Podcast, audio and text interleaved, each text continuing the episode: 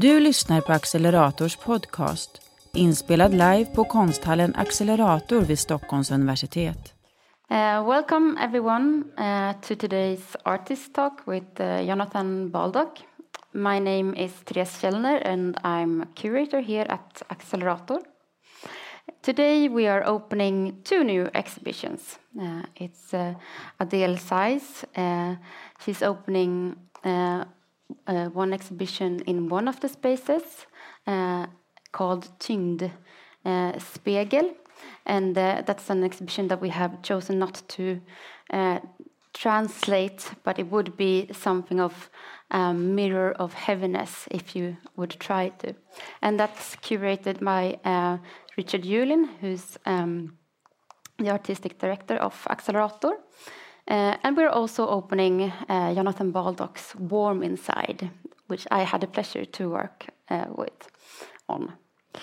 Um, and I think it's worth mentioning that this is actually only the fifth opening uh, that um, we have here at Accelerator. Um, we only uh, we've only been open for for about two years, and uh, um, uh, so far shown four exhibitions. Um, so it's it's not many. And I'm super uh, excited to have you here, Jonathan, today. It's not, uh, I mean, it's been quite difficult lately to travel. Um, and uh, it wasn't uh, um, for sure even until the very end that you could be here for install and also uh, today here for the opening and everything. So that's um, that's really great. I'm very happy about that. Um, and so today we will uh, talk about Warm Inside, your new exhibition here, and uh, focus on that, but through that, uh, dip into some uh, previous work, some recurring themes, and um, yeah, your practice uh, as a whole. And uh, we will talk for about 45 minutes and leave um, some room for questions at the end. This talk is being recorded, as you might uh, notice, and will be available um, to see, to listen to um, in Accelerator channel uh, later on, channels um, like on YouTube and on um, iTunes. All right, uh, let's uh, start with uh, the exhibition Warm Inside and what's presented in one of the spaces downstairs. Um, so we first met uh, in February 2019 in your studio in London. You live and work in London, and uh, I think it's worth men mentioning as well. This is your first exhibition in Sweden, Sweden so that's very uh, exciting. Um, and um, it was quite soon after that that we uh, invited you to do an exhibition for Accelerator.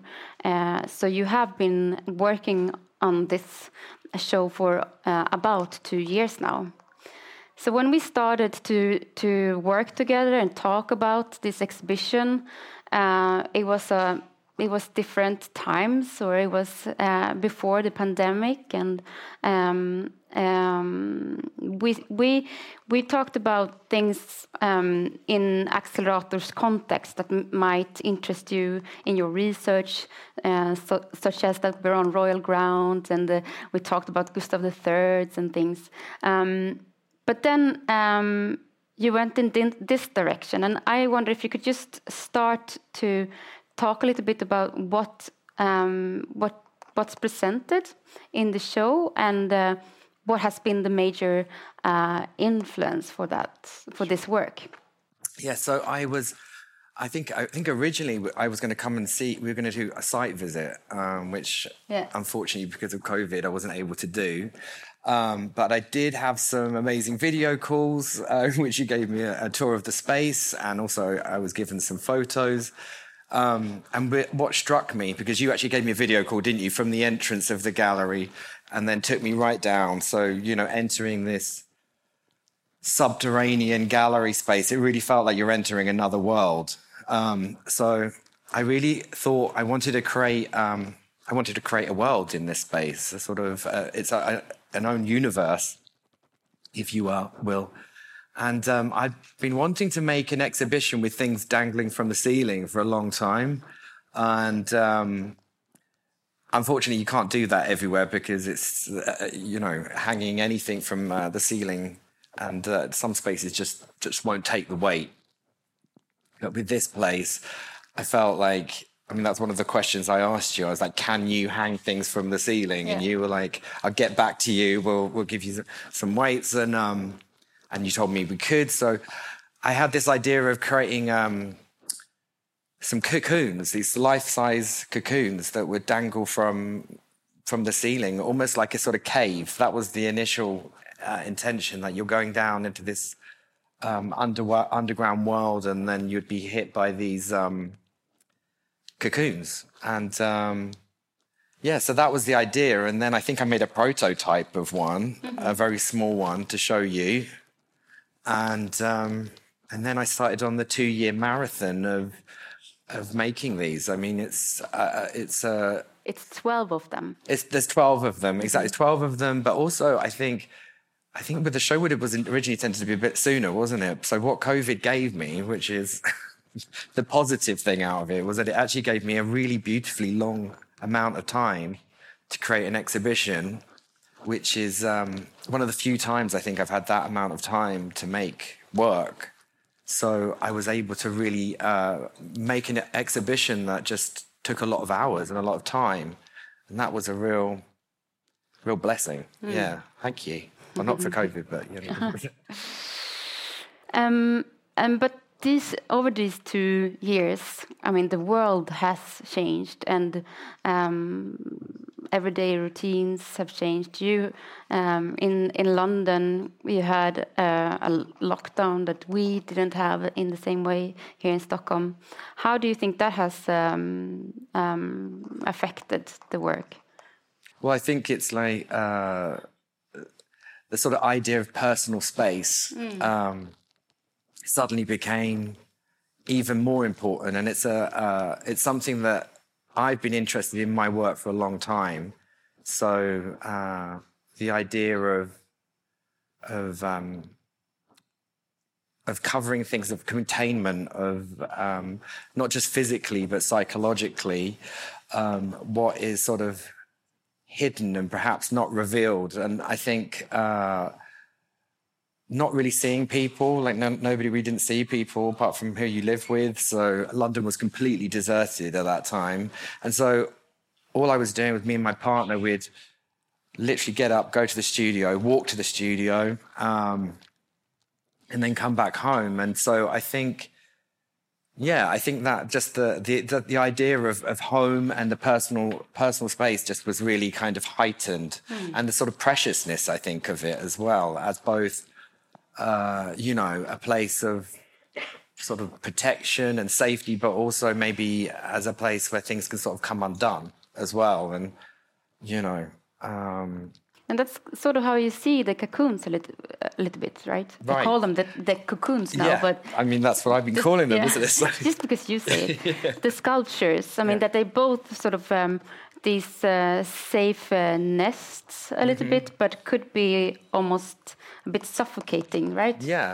Well? I think it's, you know, it's the idea of um, what we might hide from each other or maybe even hide from ourselves, you mm. know, the, the things inside that you keep safe and uh, protected. But also maybe, yeah. I mean, I think you can see with the sort of ceramic uh, casts of my body inside, inside them to sort of really heighten the, the fact that they are cocoons, um, but the body parts are kind of squashed and um, yes, a bit broken and fractured. Yeah, sticking out. Um, yeah. So it's kind of you know I think for me it's I'm I'm always interested in that play of being of um, presenting something that's maybe quite beautiful. Uh, that sort of I wanted it to be uh, seductive on that level where you know the the materials. Um, to have a calming aspect of it, you know, which you pay percent, um, but that it would also, but maybe that things are not always as they seem as mm. well. So there's a little bit of trouble brewing underneath, maybe, you know, and, uh, I guess you know clay relates so much or so easily to the human body. You know, it's um, I mean, there's so many creation stories of mm. uh, you know humans being made from from earth, and uh, and you can really see that. I think if you work in clay, that it that sort of connection. I think there's almost something really um, primal about uh, putting your hands in clay. I mean, it's earth, isn't it? Essentially but also how it does, uh, you know, it's so fragile and lumpen and irregular, just like the human body is, you know. Yeah. Uh, so um, clay is something that you, um, yeah, I, I, guess it's your um, the the material that you come back to uh, over and over again most. Mm -hmm. we will talk a little bit more about uh, your work process and um, um, techniques, materials soon. But I, I want to stay um, at this idea of um, or your thoughts around personal space and also um, ideas of uh, um, sleep that you had uh, of uh, kind of in between worlds and of uh, um, like hibernation and, and sleep as a as a portal to um, the an inner world. Exactly. Um, yeah. Could you expand on that a bit? Um, I mean, I think so. Obviously, sleep is, or, or, or the idea of sleep is, is, is is an idea that sort of has occurred in some other works that I've made. But I, I've I thought about it, yeah, in, in, in this exhibition as is it a lot, obviously there's a, the sort of the idea of transformation is there in the fact that these are chrysalises or cocoons and they are spaces or or nests. Mm. you know so they're like places where maybe um, things are born or um, created or transform. So and i think uh, so the, and these little portals that you could look at little portals little little head holes and hand holes so they're like entering other worlds automatically, you know, anyway, just by the by the essence of what they are. But I think for me, the sort of idea of sleep, which is further also uh, like played with with the lavender, mm. you know. Um, I don't know. I think it's uh, it's something we spend half of our lives doing, isn't it? So, you know, and again, I think it's uh, it's something that's like become sort of very valuable as well. You know, during lockdown. Mm-hmm. Uh, the the the bed or the the home and you know sleeping yeah. I don't know if that really answers. I've just kind of repeated what you said really but it's uh... no you didn't. But I, I wanted to um, touch upon something you just mentioned uh, which is very important and that you have included a, a, a scent mm. uh, in, in, this exhibition. Lavender. Um, why well, I think I'm really interested in in the uh, well, just the use of smell as a sense in an exhibition that maybe we don't often explore, mm.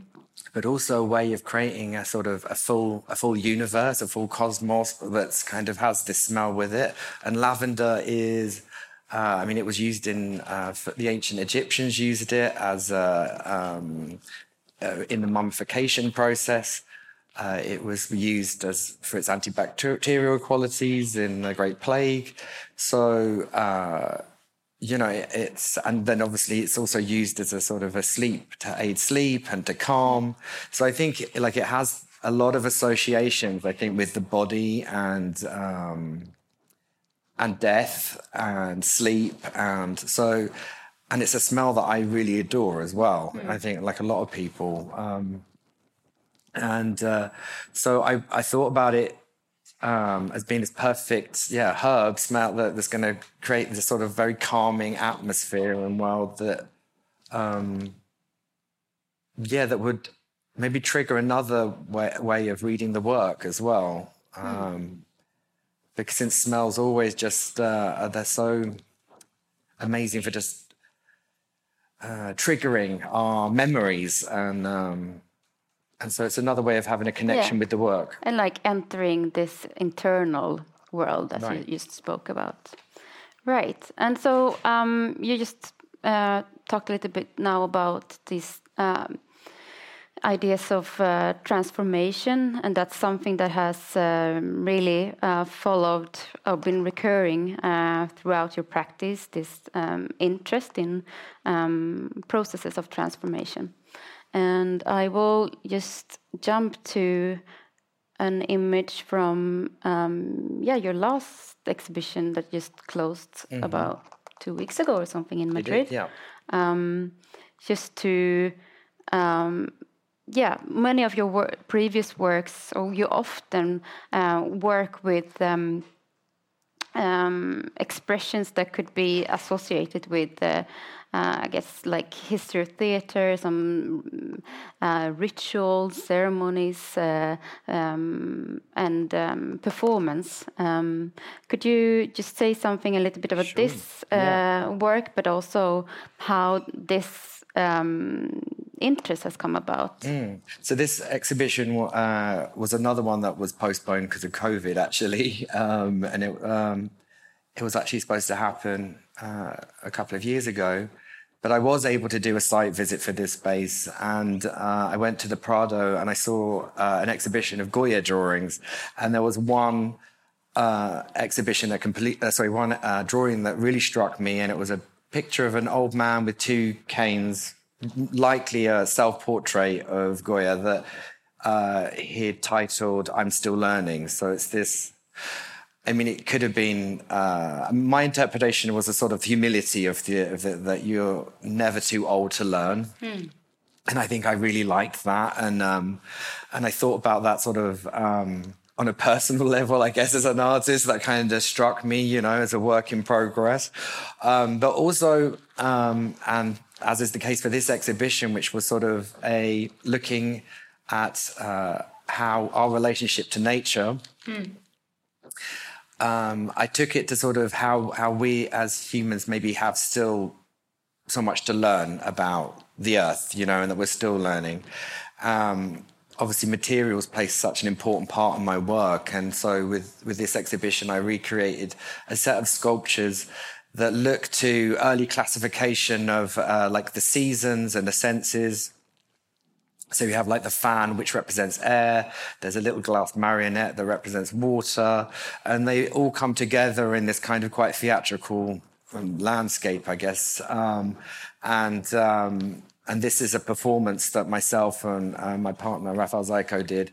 Um, at the opening, we did a series of performances dressed in these uh, costumes with uh, these headpieces which um, expelled smoke to so, sort of um, bring life, I guess, to the the objects, the sculptures uh, in in the exhibition.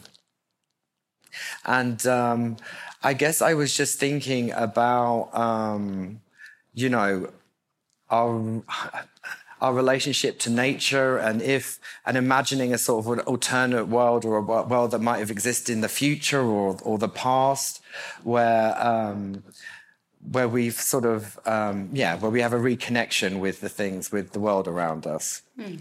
um, but again it really i guess it's sort of the idea of slowing down and uh, using and looking at the the material processes also in which I use to make the work. You know, every the, the sort of idea of time is, I think, is constantly um, referenced somehow. You know, in that because I think the thing of making things by hand is that I think people can imagine the processes in which they're made, even if they don't know how to do them themselves. It's that the trace of the human body in that work is is very clear, mm. you know. Um, and I should say like everything that I make, all the textile, the sculptures, they're all made by hand. So that sort of uh, you know connection to the body is is always really really clear in the work. Mm. Um, you use embroidery, hand ex- stitched. Exactly. So everything, you know, so you see the textiles working, they're all it's all completely made by hand. There isn't any machine stitch in it. So, uh, you know, that sort of, um, what am I going to say, the sort of micro macro way of um, engaging with an exhibition as well, of it sort of being quite overwhelming, I guess, when you enter the room, like your eye can't take it all in. Mm. Um, but then sort of uh, focusing in on different elements. Um, and still being hopefully seduced, like you want to enter the work more. And I think that's uh, well, that's something I hope anyway that you know people want to do. And um, I'm just jumping to the next uh, image here of uh, um, some of uh, yeah some recent masks that you have uh, made, and um, this is um, an ongoing or something you have returned to mm. Uh, throughout years now. And as we saw in the these previous uh, images from the performance, uh, you, you, you very much uh, focus on costumes and masks, but uh, particularly this uh, ceramic masks. You've, do you know how many you've done? I now? don't know. I, I, haven't counted, but I reckon it might be getting on for uh, it's over 150 oh, to wow. do. I mean, I've for me they are. Um, they are ju- they're just uh, they're like a they're just pure joy to make as well you know? I mean i think I think that's quite that sort of is communicated with them. But um, i make them either quite intuitively. Mm. so it's really given the, the sort of uh, i have the restrictions of of the fact that it has the the board you know that i make it on uh, so the size which is a sort of a continuous uh, thing and then the fact that it has to be a face and what that face can be, um, you know, whether it's two eyes and a, and essentially a mouth, you mm. know. Um, but like in the work as well, in um, in Warm Inside, several of the sculptures are very.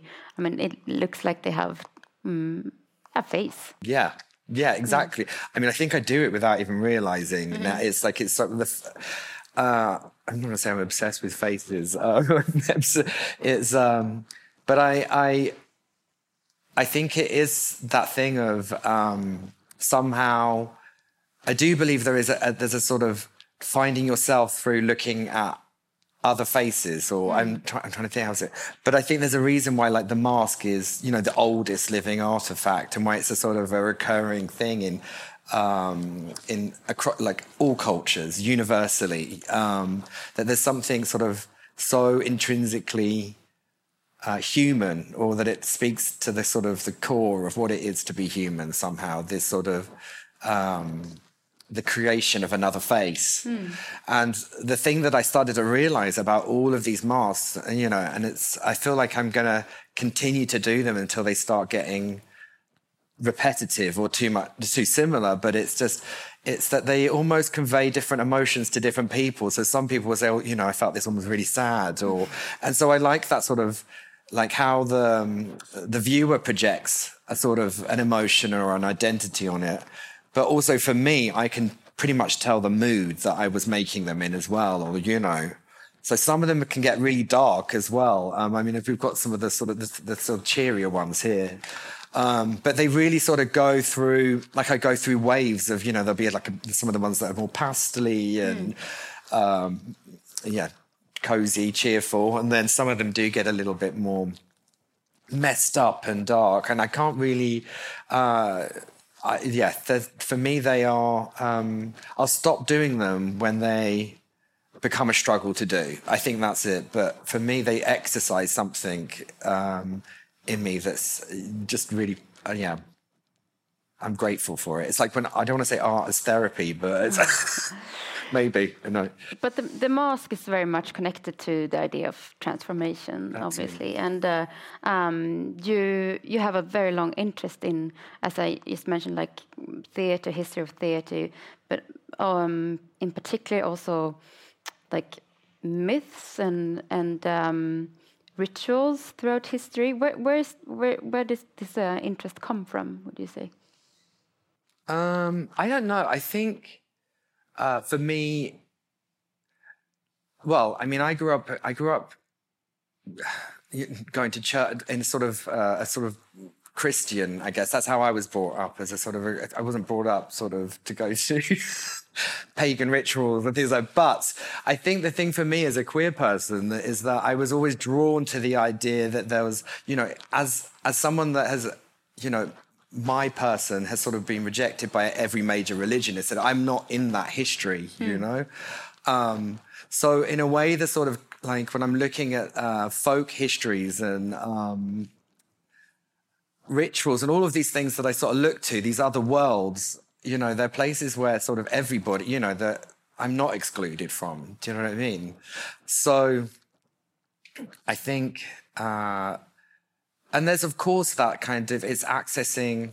Uh, it, it, uh, yes, I think it's a sort of it's not just a sort of an imaginary fairy tale, but it's what I'm saying that I, you know, for me the the the um, yeah, it's it's a, it's a reality, you know, mm. it's a created reality. Sure.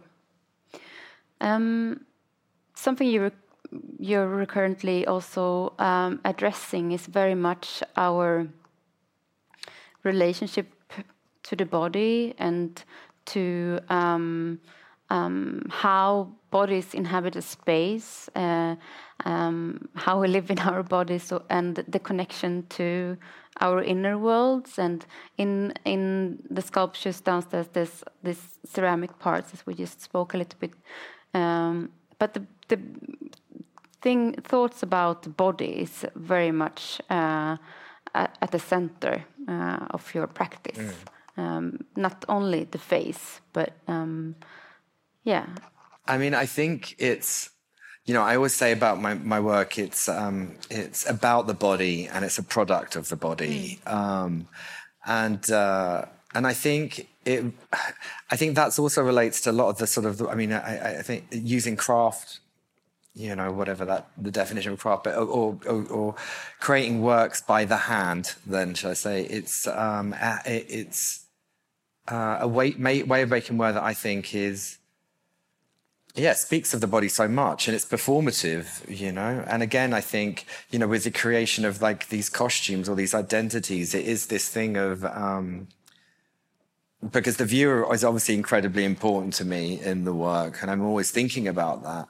Um, it's how you might imagine yourself in the work, you know, even with the, you know, with the, the cocoons downstairs. It's, you know, it's how you, how I can create a work where you sort of put yourself in that place of, of, of, of the sort of ceramic body, you mm. know.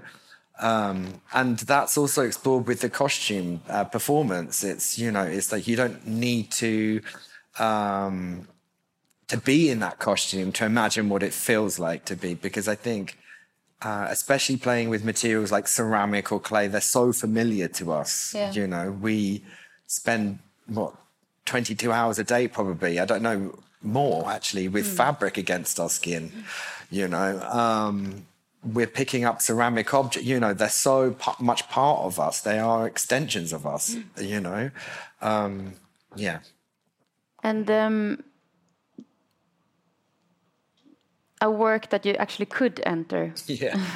is this, and uh, um, yeah, this work uh, again relates to ideas of personal space and the home and um, yeah your work is very much uh, drawing upon um, your life and personal experiences would you um, talk sure. a bit about this work um, so i made this uh, bed uh, which is actually a four poster bed. And i think at the time um, uh, my, I, we were, I was living, a, living, sharing a room um, with my boyfriend, and we had a mattress on the floor essentially, and it was uh, uh, we were quite well. We were poor. It wasn't that long ago, but it was. um, and uh, and I was just thinking about the sort of the bed as this space as, as like a, a, world in a way. So you know, we were eating off the bed. We were, you know, you'd read, we'd watch TV on there. You sleep. It's a micro mini world, um, and it's such a personal space as well. You know, so I thought about the the creating, uh, recreating a bed um, in a much grander way. So this is a, a, a four poster bed that's um, I appliqued a sort of head with sort of ears and eyes, the sort of orifices, the parts of your body where the surface is broken that you can, uh, that sort of, uh, well, where you enter the internal world. So, and uh, basically made this bed and invited uh, the viewer to get inside. Um, and inside, I there was an audio work in there, and it was my mum reading from. Um, she's made a, uh, a, sort of an autobiography may sound really, really grand. It was really sort of a, me- it was, there was some sort of memories of her childhood that they were written down to give to um, me, myself, and my brother. So it was just a personal document that was not meant to be, you know, shared with anybody. But I asked her, and she was sort of um, wasn't keen on letting me uh, include a little segment, and I also wanted her to read it. So it was my mum's voice reading um, very quietly on the bed um, some memories of her childhood. And uh, so when you're in, you get in the bed, you almost read this sort of story, but they were stories that I, I wanted to be quite general and for everybody to have a connection. They're not mm. so personal that, you know, they would mark me out. I think they were stories that we can all imagine maybe our, our parents tell it. And it was, I think it was actually about her, it was sort of ghost stories that her sister and her was in bed telling each other but yes, so it really was really just about how one narrative affects another another narrative. My mum's always been very important to me, and very early on, she was the one that um, uh, actually helped make some of these some of the shows. You know, because like I said, I just decided to do everything by hand. Hmm. It's uh, it's kind of tough doing it all by yourself. So I'd be like, "Mom, can you help me uh, come up to London for the day and do this?" And she would always do it. So it was a kind of a little nod and homage to her as yeah. well. In that I wanted to include it in the work. And I also think it's nice to bring up this work because even if it's very, very different from works um, downstairs, I think it's uh, um, very connected. You can definitely see um, connections of like thoughts around this, like safe spaces and uh, um, sleep and um, comfort and um, um, relationship to the body very much. What, what's the title again for this uh, this work? Something's uh, uh, you're to crawl inside. I, that's it. My biggest fear is that, that, that, someone will crawl inside. Thank you, Raf. That's it. And that actually came from a, a, a title of a Robert Rauschenberg uh, work. It was a bed that he put up on the wall, and I think he said, "My biggest fear is that someone will crawl inside." So it was a kind of nod to art history, but then I was like inviting people to crawl inside my bed. You know, it's like it's like you can do it with mine. And this is the entrance of that exhibition. That is, yeah. yeah. And so that was I, I, did a I did a residency at the British Court in Rome, and there's if anybody's seen it, Palazzo Zuccari, it's amazing. It's got this big, huge face. Uh, it was made by, by, an artist, a Mannerist artist, and um, that's my homage to it. So I did this kind of like ceramic eyes, uh, uh, butcher shop curtains as teeth, and then a big t- lolling tongue. But again, it's sort of the public and the private. So you're entering the outside through a big mouth into sort of an internal world, but then you go an extra layer because you're going into the bed as yeah. well. So it's sort of worlds within worlds is kind of what I was. Um, this is actually the only outdoor work. I know it's I've the only seen. one I've been invited yeah. to ever do. that was it. Never got invited again.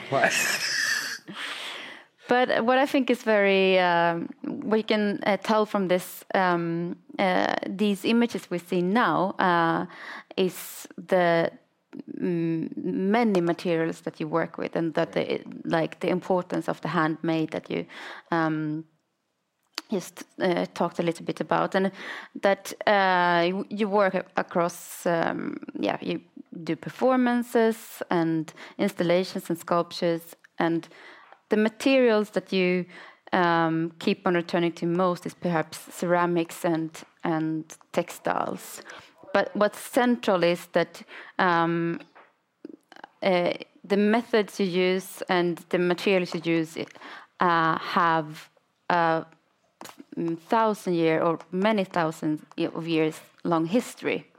What does that mean to the work or to the making? Um, oh, I think. What does it mean? Uh, I think it means that it's it's something. It, it should hopefully connect the viewer to the work in a way that sort of is. It's this. It's so familiar and it's so ancient that it um, that it all speaks about what it is to be human. Because mm. in a way, a history of these materials is a history of human civilization, um, and so I think.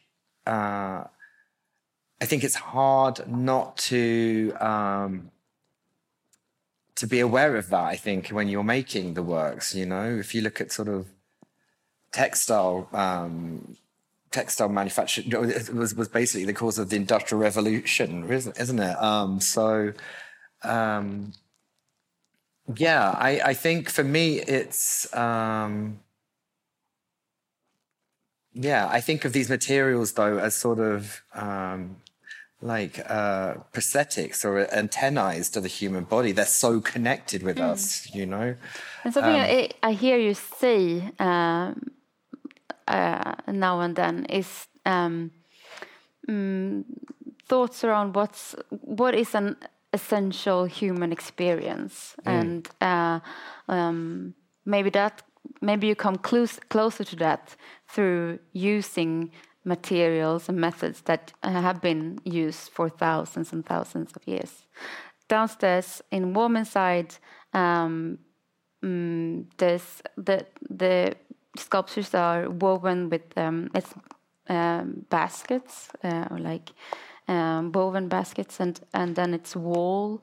Um, yeah, could you uh, take us through a little bit the, the work process with this exhibition? Sure. Let's just jump so, back to um, one of the. I will. I, I learned how to uh, spin spin wool, spin yarn um, uh, just before this exhibition, actually. But um, I set myself the task to spin yarn for these cocoons because I wanted the sort of lump and irregularity of them, not quite knowing like how long it would take to to spin this sort of quantity of wool. But I think again, going back to the idea of transformation, it's this thing of getting, you know, a mass of raw wool and then uh, uh, turning it into a thread or a yarn, you know, um, and then dyeing it as well. So all of the materials and um, it's really sort of taking base materials and then transforming them and weaving them into into these sculptures. So there's a lot of um, the body is sort of um, my body, should I say, is part of every part of that work. You know, um, when I was thinking about like spinning the, the the the yarn and you know these fibers passing through my fingers, it's such a weird thing to think that you know these fibers every part of them has then have then gone into you know through yeah. my finger and thumb essentially um, they really are like extensions of your body as you right yeah totally and i think um, so that they are kind of they're, they're um, yeah i don't know what else to say about it um, well, I think uh, you can definitely tell. Um, you should all go like close to the sculptures, and you can definitely tell um, mm, the, uh, how they have been made, mm. the the the uh, time consuming um, work process, I think, really comes through. Yeah. Um, and um, I think also actually just a moment. so that was another thing about the lavender, wasn't it? Yeah. You know, when we spoke about it, because obviously uh, wool is its its number one kind of um, enemy is the clothes moth, mm. and so it was like this nice thing about putting the lavender in them as a sort of a preservative for the materials that that have been used in it. But um, you can see there's a, there's also kind of um, I've used rope, uh, so it's all plant and plant plant and wool and, and wool fiber. That's that's all it, they mm. are. That's used in, uh, in and the wool is something you also have um, worked with previously, uh, like in in this exhibition mm -hmm. at the Camden Art Center. Um, uh, even if it's primarily, well, it's a lot of wool because it's on on the floor, right? Yeah. The whole floor is covered with wool, and then it's these um, uh, again uh, weaved baskets and uh, um, ceramic parts. Um, can you say something about this exhibition? Sure. Yeah. So this this exhibition was made at Camden Arts Centre, uh, 2019, and uh, yeah, I the the floor is a patchwork of. Um, woolen, um, sort of a, of, of woolen of, of, of felt almost. So you enter the the room, but you have this sort of softness underneath you. So you're immediately connecting with the work. And then I made this series of ceramic columns. Um, the show came out of a residency that I did at Camden Arts Centre, which is uh, um, part of the residency is that you get a show at the end Um, I've been working in ceramic for 10 years before that show, but I never had access every single day to a ceramic studio and a ceramic technician. So it was the first time I got to be really ambitious with ceramic. So each segment is pretty much made to the maximum size of the kiln. um, and um, and again, this has an audio element to it. So these sort of towers um, so when I when I got given the residency, you don't. There's not sort of prerequisite actually even that you have to use ceramic. But I, as such a maker that I am, of course, the, doing that is going to affect the the show.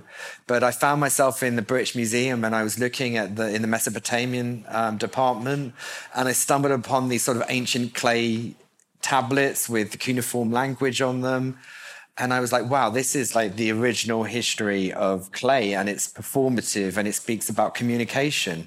You know, they're not just vessels, it's, it's clay as. Uh, what was also remarkable was that um, even some of the, the, the, the, writing was done with the fingernails. It wasn't just mm. reeds, but actually just the print of a finger. Um, and it was a pictorial language. It's a completely extinct pictorial language, that only, only exists because of a big fire um, and then the discovery of these tablets. Um, uh, and I just thought about that and, and, sort of mirrored it with with today, you know, and the fact that there's a, a pictorial language now, the emojis, and it's considered the fastest growing language. Um, and then imagined a world maybe even further in the future where sort of emojis are, you know, left imprinted on these sculptures. So they're sort of communicating each other, but they're communicating each other in a very basic way with emotions hmm.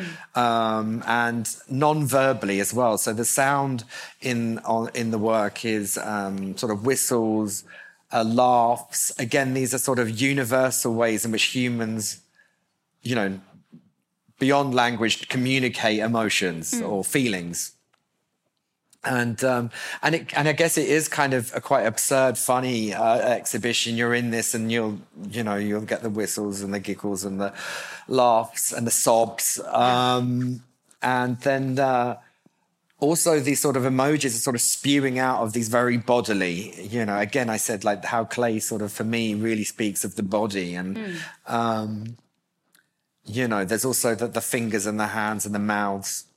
Uh, yeah, so this uh, when I saw this uh, show, I, it it really made me laugh. Actually, right? yeah. Um, is is humor important for you in your work? Would you say? Absolutely. Yeah. You know, I think.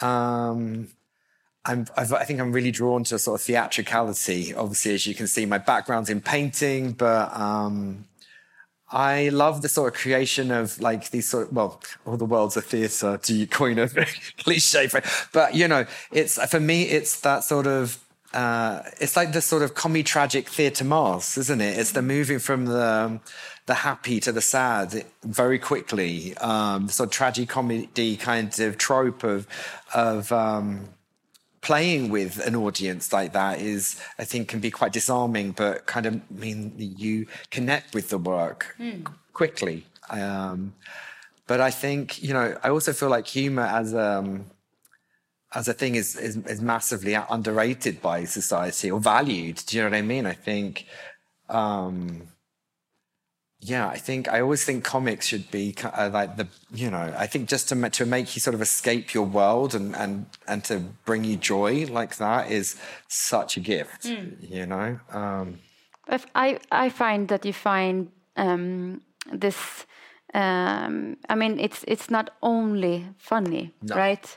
No. There's always this tension yeah. between something uh, darker or something macabre or um, like um, um, like in in warm inside this uh, um, the body parts is, is sticking out in really awkward way sometimes but and just hanging really strangely and um, yeah you always use this kind of tension mm. between um, I think it's time to round off uh, up uh, um, even if I would love to talk to you um, for a bit longer. But um, first, I just want to ask if there's any any questions um, from the audience.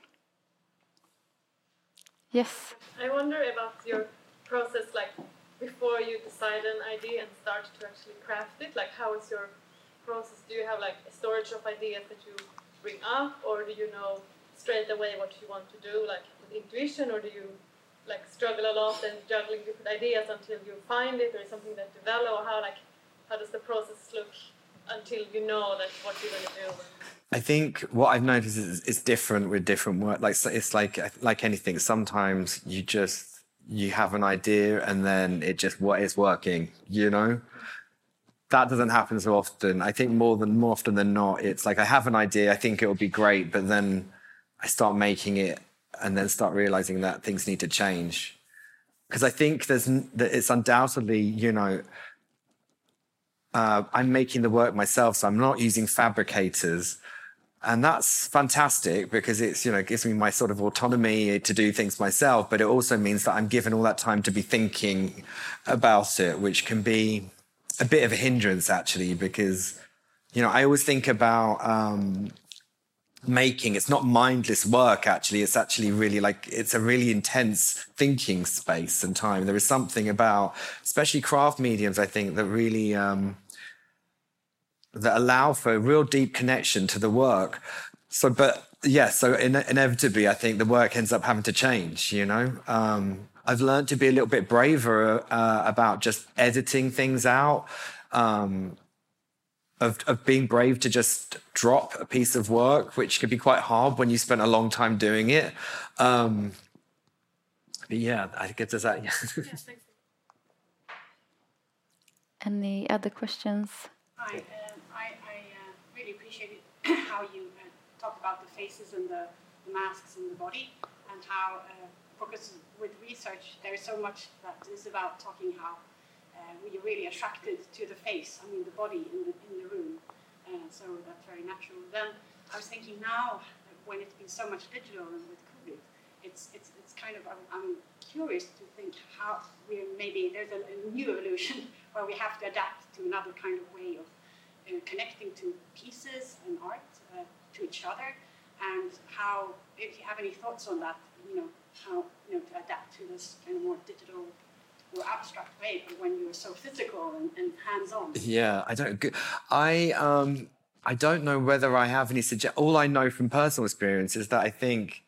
I really missed going and seeing physical work over the you know two years of of you know lockdown. Um, and it was, and, and I really missed going to see physical objects, sculptures. That's what I missed the most because I think it's the hardest to communicate actually through the digital. Performance, for instance, I think is impossible, really. I've not, I didn't, I, I did watch a lot of online performances. And um, you know, I I don't I don't think it for me it was it just lost a lot of that um, energy that you have when something is, which I love as well, because, you know, it's obviously really important to me because it's what I do in my work. I don't know um, what I, how I think it might change it. I know for me, it's made me value it a lot more. Um, value being in a room with other people as well. It's really crazy. Uh, you know, I, I went to a, a, bar here on last Saturday and it was like, it was full and um, it was really lovely. Like, you know, two years ago, I would have been like, oh, it's too busy, I need to get out. But it just became um, that sort of connection with other. I think I, I, I sort of started a lockdown thinking I was much more introverted than I actually am. you know, it's uh, actually people and physical experiences are really important, aren't they? Um, yeah, I don't know. So I, I don't really know whether I. yeah. I think that's a We'll take one last yeah. question, but uh, yeah. No, mine is more an observation, like connected relationship, because the first thing I saw when I saw a picture of these cocoons was uh, a balaclava, you know, which is a, a mask mm-hmm. also. With, so it's like, I don't know, with this COVID situation, and it's also something that can be handcrafted and connected to textile. And I don't know, I could see there there is like a connection between all the things that you presented and also the use of color. I think it's amazing. So mine, it was more like, I don't know, a compliment or like adding. Like, oh, thanks. Thank you. All right. Well, um, thank you all for um, being here and listening and uh, celebrating the opening of uh, um, uh, the two exhibitions. And uh, thank you so much, Jonathan, for sharing some insight to, to your work. And uh, I think it's time to uh, go down and see the exhibitions. Right? Thank you. Thanks.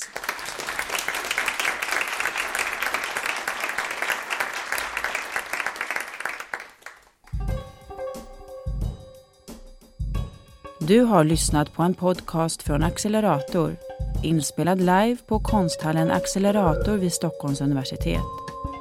För att ta del av vårt program, prenumerera på vår podcast och besök Accelerators hemsida acceleratorsu.art där du även kan prenumerera på vårt nyhetsbrev.